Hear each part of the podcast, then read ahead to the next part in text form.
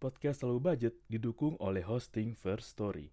First Story adalah platform hosting yang lengkap, praktis, dan mudah digunakan untuk membuat, mendistribusikan, dan mengelola podcast kamu. First Story 100% gratis. Kamu bisa atur jadwal podcastmu kapan aja, dan kamu bisa distribusikan podcast kamu di semua platform hits podcast di Indonesia. First Story punya fitur keren yang bisa membuat kamu lebih dekat dengan pendengar kamu loh. Sudah penasaran belum sama First Story? Eits, ada lagi nih. Dengan First Story Ads, kamu bisa monetisasi podcast kamu juga. Menarik bukan? Gapai potensi maksimal podcastmu dengan tools dari platform hosting terbaik untuk para podcaster. Daftar sekarang di First Story. Mari bawa mimpi podcastingmu menjadi kenyataan.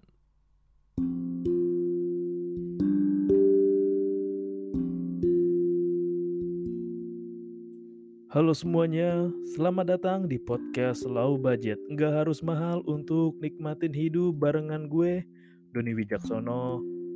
Lo semua sehat kan? Gimana hari lo? Gimana minggu lo? Gimana bulan ini? Semua sehat? Apakah bulan ini baik-baik aja? Atau gimana dengan tahun 2021?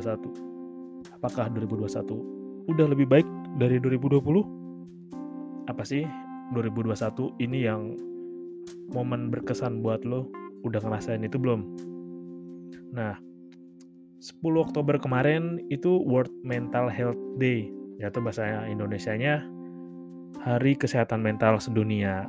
Ya, gue termasuk orang yang perlu dengan kesehatan mental karena kesehatan mental itu penting sih. Gak cuma kesehatan fisik aja, tapi mental itu penting.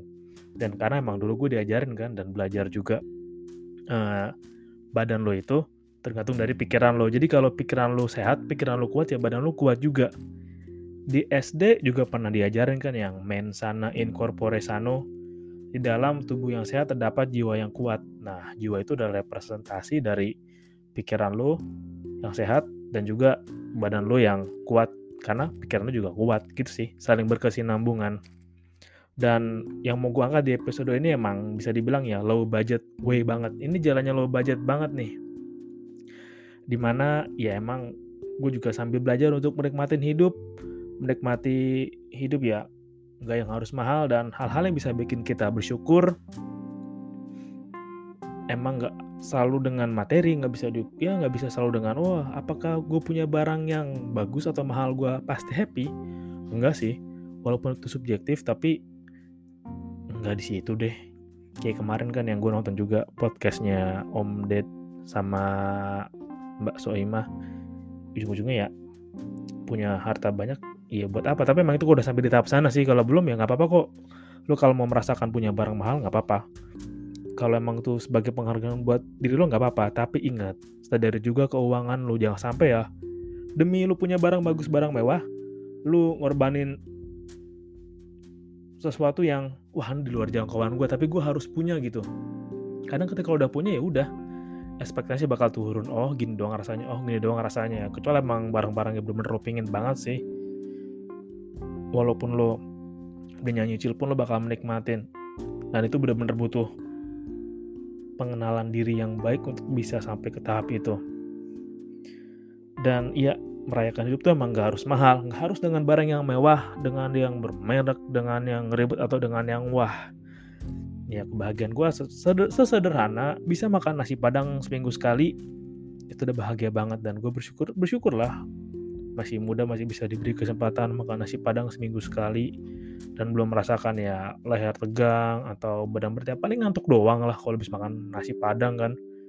Emang itu habis makan kita enakan tidur sih tapi memang itu bukan kebiasaan baik yang buat ditiru. Ya walaupun gue emang ngerasa kurang pantas buat bilang ini ya. Tapi ya nggak apa-apa sih gue sharing aja karena gue udah pelan-pelan dikit-dikit juga ngerasain sambil ngejalanin sendiri apa yang gue lakuin. Kalau bahasa keren adalah walk the talk. Apa talk the walk ya? Ya pokoknya itu deh. Ya kalau gitu ya bisa dibilang ini emang jalan idealis gue sih. Kayak jalan gue untuk menemukan kebahagiaan gue sendiri ya mungkin beda dengan orang-orang luar sana mungkin beda dengan lo beda dengan ya, orang terdekat gue. Dan ya menurut gue sih jalan gue ini ya nggak se-struggle orang-orang di luar sana. Ya gue harus akuin sih berkat dengan privilege yang udah ada sebelumnya ya beberapa hal dalam hidup gue pun terbantu dan gue nggak bisa mengelakkan itu atau mengabaikan itu dan suatu saat nanti juga kalau misalkan gue dikasih kesempatan untuk ngomong depan umum kayak apa rahasia anda? Bla bla bla bla. Ya gue bilang aja gue punya privilege. Privilege gue pertama nanti kayak gue bahas deh di podcast gue berikutnya. Kapan-kapan nih gue bahas deh. Udah mau banyak juga episodenya ya. Ya gue nggak bisa mengelak atau mengabaikan privilege yang gue punya. Dan banyak hal lagi sih. Intinya ya udah keadaan gue yang sekarang pun nggak seberat orang yang lagi fighting ya gue harus akuin itu dan gue nggak bisa menolak itu tapi bukan berarti bahwa oh gue ternyata enggak lah gue lebih memilih jalan gue sendiri gue lebih memilih menemukan kebahagiaan gue, kedamaian gue dengan cara sendiri ya. Kebiasaan kecil yang bikin gue happy-happy dan kebiasaan kecil yang oh ternyata ini toh yang udah bikin gue cukup, yang udah bikin gue bilang terima kasih Tuhan. Gila hidup ini asik banget. Gila Tuhan menarik banget sih kehidupan yang udah Tuhan kasih ke gue. Sayang banget kalau gue gak nikmatin hidup ini dengan baik, nggak berjuang dengan baik, belajar dengan baik, mengenal diri gue terutama dengan baik. Wah, sayang banget sih.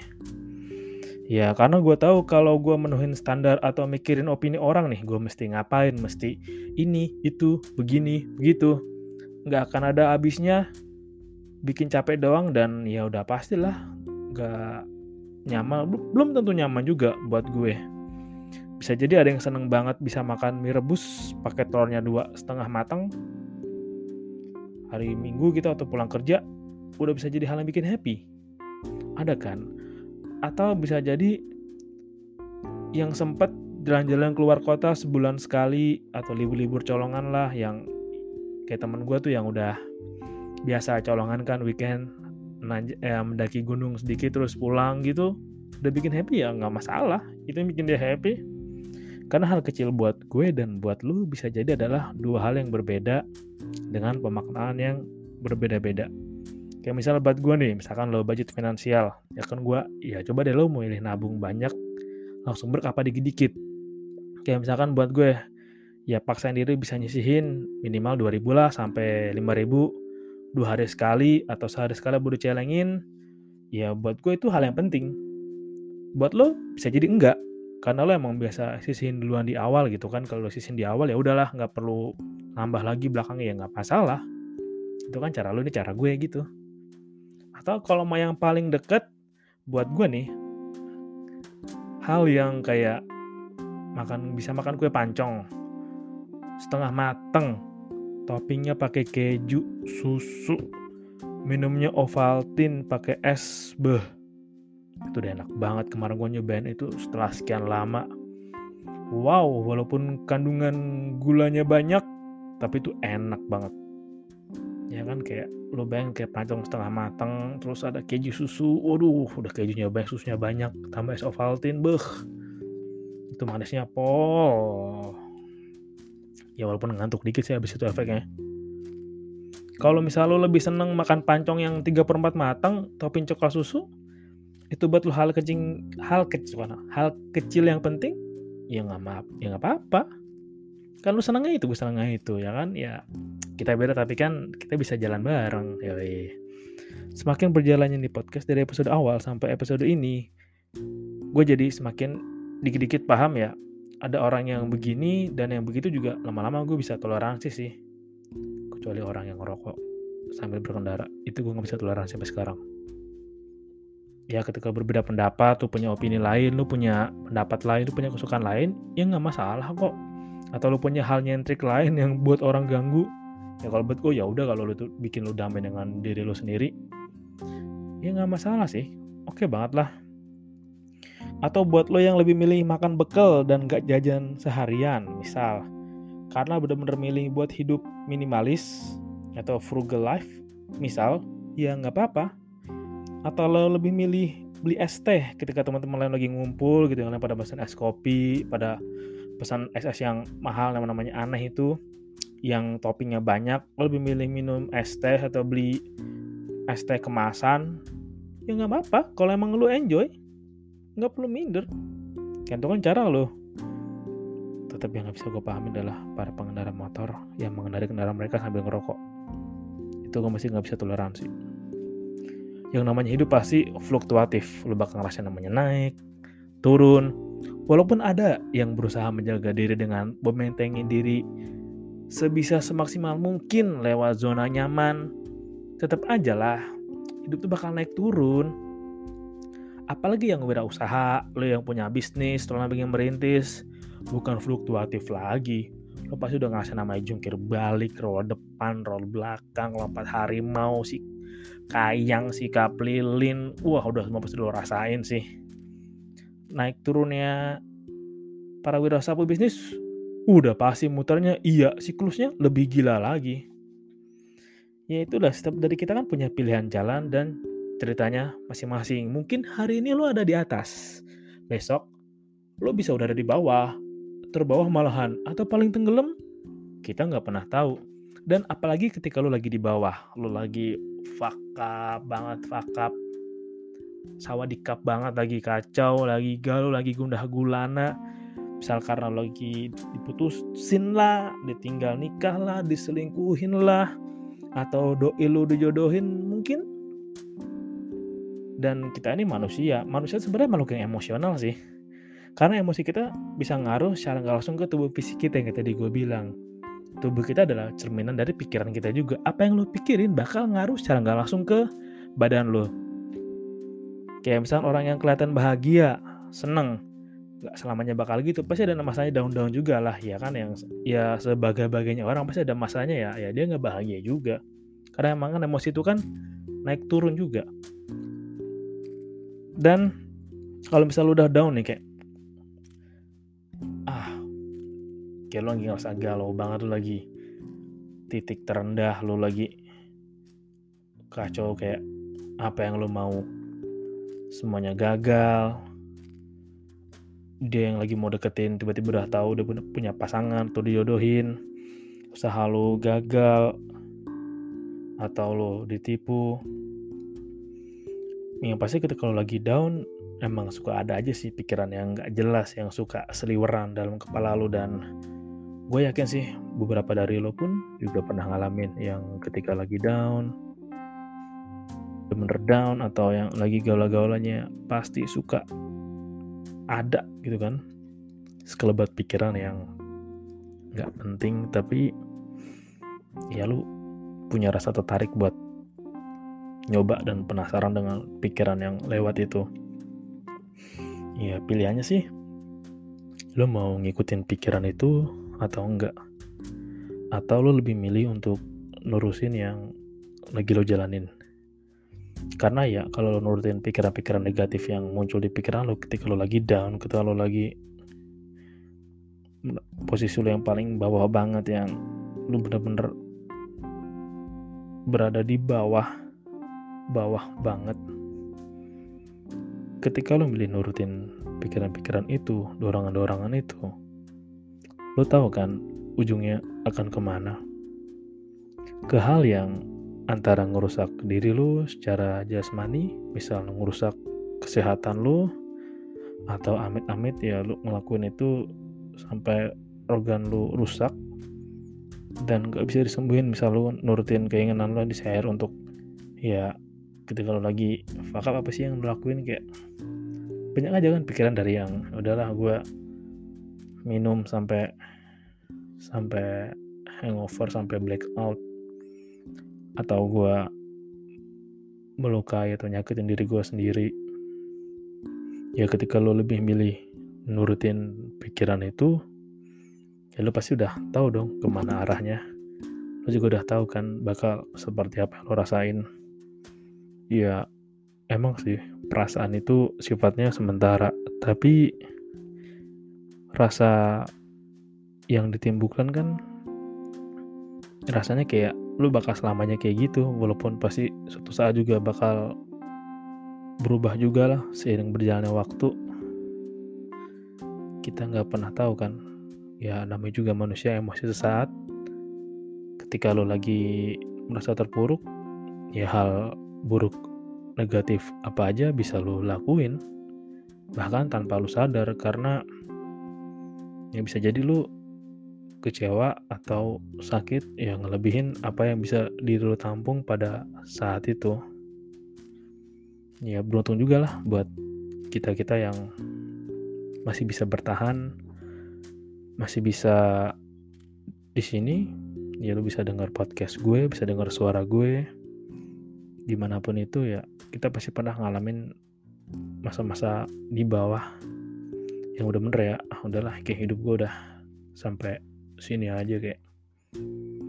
Ya emang orang ada yang peduli sama gue ya. Kayaknya semua orang ketika gue peduli peduli dengan mereka mereka nggak ada yang peduli sama gue nggak ada yang care sama gue. Ketika gue menyediakan waktu buat mereka ketika gue butuh mereka mereka nggak ada. Iya gue juga pernah sih ngerasain kayak gitu. Ya yang namanya ketika lu pengen banget ada yang ngajak ngobrol atau ada yang yaudah yuk nongkrong dulu yuk kita ngopi dulu biar lo lebih enteng atau yaudah sini cerita. Ya gue dengerin deh gue dengerin aja ya. Dan sosok itu atau orang itu nggak pernah ada atau saat itu lagi nggak ada ya pasti suka kepikiran yang ah udahlah tahilah hidup kayak gini lah. Udahin aja. Atau ah tai lah kayak gue gini, gini mulu hidup gue. Nah, udahlah selesai aja lah. Atau ah tai ini orang pada ke mana sih? Gue sendirian mulu. Kayak cobaan gue berat banget. Di anjing kayak anjing gue nggak bisa kayak gini terus nih. Kayak aduh capek capek lah gue kayak gue udah capek lah gini terus Hmm, iya sih, gue juga udah pernah dalam fase kayak gitu yang pengen banget ada seorang yang bantu gue tapi nggak ada, cuma gue sendiri dan pikiran-pikiran gue. Iya sih, pernah beberapa kali juga kayak gitu ya, entah karena kesalahan yang pernah gue perbuat atau karena dampak dari orang lain. Tapi emang sama-sama sakit sih. Dan emang lu nggak bisa bohong, waktu itu yang bisa menyembuhkan entah berapa lama hari minggu, bulan, tahun, ya waktu yang bisa nyembuhin. Seiring juga lo yang belajar ikhlas buat maafin. Dan terakhir sih, emang udah agak lama gue pernah melewati fase itu dan ya gue bersyukur udah selamat ya karena gue bisa bertahan berkat hal-hal kecil yang buat gue bersyukur gue masih hidup. Hmm, gue percaya ya gue ini ngambil dari pendapatnya atau dari tulisannya Pak Sujiwo Tejo yang bilang ya Tuhan itu maha asyik. Dan ya gue berpikir gitu sih. Hmm, karena gue juga gue sedikit cerita deh.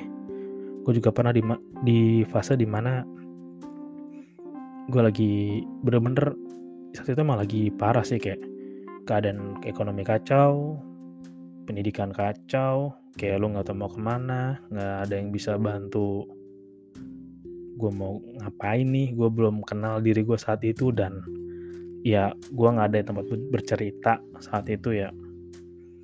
Tapi gue percaya sih kayak Tuhan tuh ngasih penghiburan ke gue lewat hal-hal komedi. Kayak gue pernah cerita sedikit ya di beberapa episode gue yang lalu. Kayak bagaimana Tuhan memberikan hiburan buat gue lewat hal-hal lucu yang bikin gue ketawa yang bikin gue bisa ngelupain sejenak dan wah iya nih.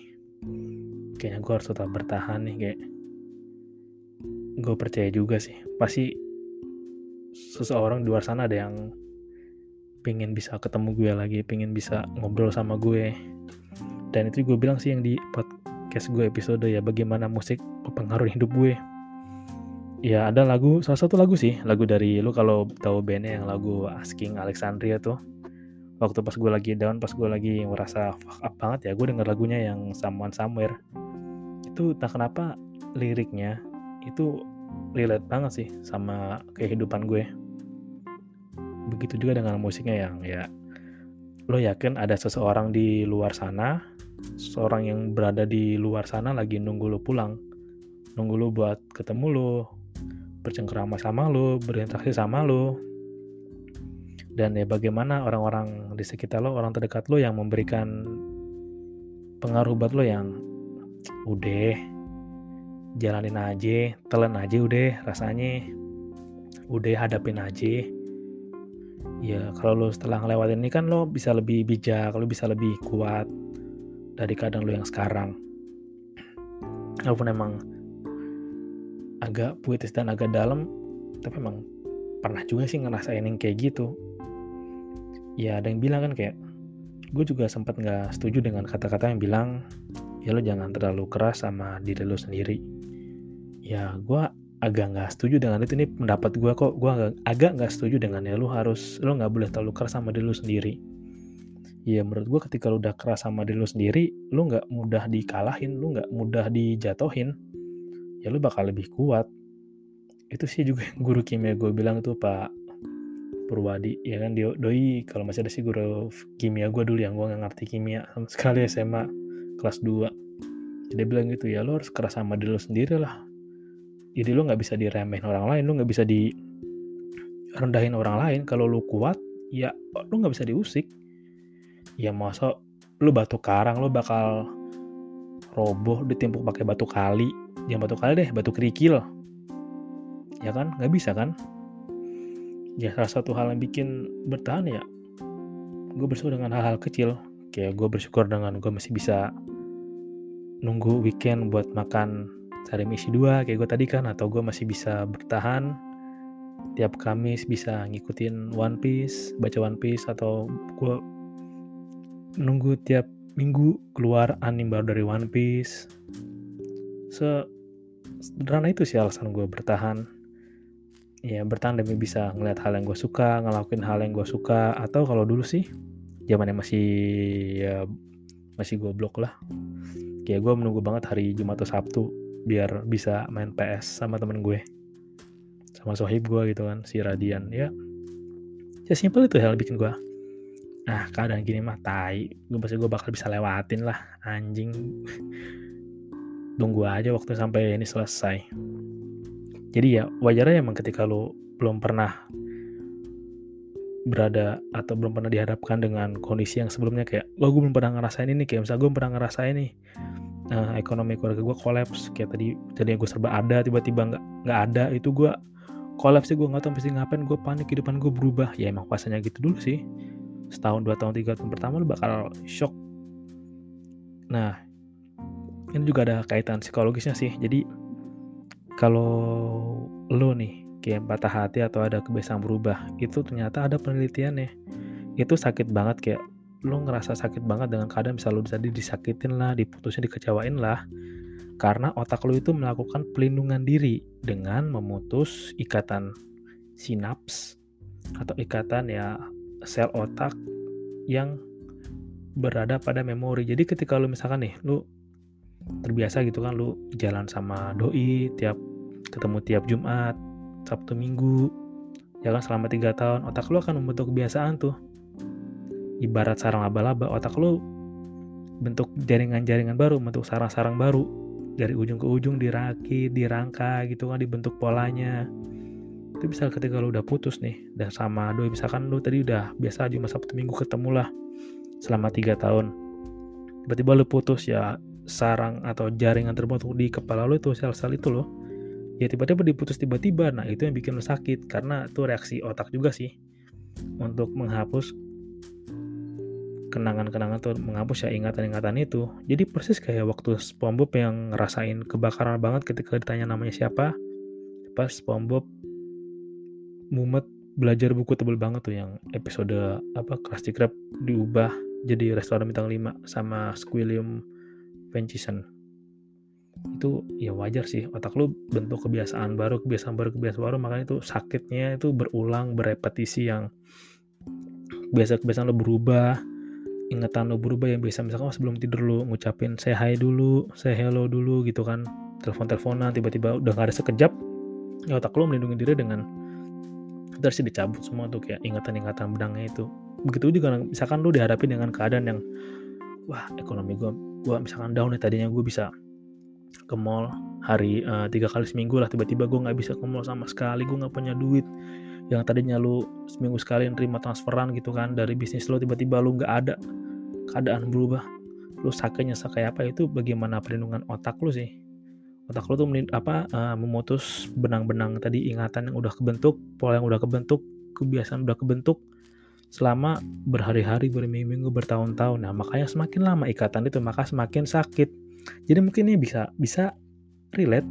Kenapa ada pasangan hidup semati kayak misalkan ya lo pasti pernah nemuin kan uh, pasangan yang Iya, misal umur 80, 80 lah, suami istri 80, 83, 81, suami 83, istri 81. Nah, ketika ya istrinya meninggal dua, misalnya 81, nah pasti nggak lama, 6 bulan itu ya suami juga meninggal. Karena apa? Karena misalkan mereka udah nikah 30 tahun, 30 tahun dalam otak mereka tuh ya otak lu tuh kayak mengubah kebiasaan tuh sekejap gitu. Yang tadinya biasa setiap pagi ketemu, siang ketemu, sore ketemu tiba-tiba nggak ada, ya itu kebiasaan otak itu merubah polanya yang begitu ekstrim dalam waktu singkat. Itu mungkin salah satu faktor yang makanya yang nggak lama juga pasangannya bakal uh, mengikutin pasangan sebelumnya. Itu sih kalau menurut analisa gue jadi ya mengubah pola itu. Jadi makanya dia bisa dibilang pasangan hidup semati. Tapi kembali lagi sih ke pembahasan yang mau gue bahas. Ya ketika lu pasti pernah lah yang ngalamin dalam kondisi bener-bener di bawah yang down. Setengahnya lu harus bisa cari tahu dalam diri lu apa sih hal-hal kecil yang bikin gue bersyukur dan gue menikmatin bang hidup ini. Itu beragam sih kayak tadi yang gue bilang ada orang yang nikmatin banget. Bisa makan mie rebus di warkop mie setengah matang pakai telur dua juga setengah matang itu ada senang banget. Atau misalkan ada yang seneng banget bersyukurlah bertahan iyalah yang kalau beli nasi uduk tiap pagi suka dilebihin porsi nasinya karena tahu kita bakal kerja jauh. Coba untuk temuin hal-hal kecil yang bisa bikin lo bertahan dan semangat sih ini gue juga terinspirasi dari Twitter kok. Ya itu udah berapa kali gue lihat cuma gue lupa tweet aslinya dari siapa tuh gue juga nggak tahu kali ya tweet aslinya dari siapa ya. Cobalah bertahan dalam hal-hal kecil buat bantu lo tetap semangat menjalani hidup. Ya semisal bisa ngopi di sore hari bareng temen atau misalkan bisa ngobrol deep talk sama temen lo di rooftop atau di depan parkiran hal kecil itulah yang bikin lo bisa bertahan atau ya buat lo yang masih berintis ya ya bayangin ketika lo bisa beliin adik lo misalkan mainan baru lo bisa beliin adik lo buku tulis baru buku pelajaran baru dari usaha lo dari dagang lo atau ketika orang tua lu misalnya oh mama lagi mau makan bakso nih lu bisa beliin gitu usaha lu untung lu bisa beliin. Atau lu bisa yang paling wow kalau lu bisa uh, apa benerin rumah buat orang tua lu lu bisa ngasih kendaraan yang bagus. Itu hal yang gede tapi hal yang kecil ya. Lu bisa kayak wah lu ngebayangin ketika orang tua mau apa lu bisa penuhin. Itu sih hal-hal kecil yang coba deh lu cari tahu lagi. Pasti ada kok setiap dari kita punya hal-hal kecil yang bisa bikin kita oh, anjing enak banget nih hidup Tuhan. Makasih banget. Tuhan udah kasih hidup kayak gini nih. Gue bersyukur banget tuh dikasih hidup. Pasti ada sih sekecil apa pun itu dan ya mungkin lo akan kelewatan lah beberapa poin. Tapi ketika lo bertanya lebih dalam lo dalam kondisi tenang gue yakin kok lo bisa nemuin apa aja itu hal kecil yang udah bikin lo happy. Itu aja sih. Ya tetap jaga kesehatan mental lu. Kesehatan mental itu penting. Sama penting kesehatan fisik dan jaga terus pikiran lu. Pikiran hal yang baik pikiran itu bisa menarik. Ya kan yang law of attraction dan jangan lupa menikmati hidup oke? Okay? salam low budget. Nggak harus mahal untuk nikmatin hidup. I love you all. Thank you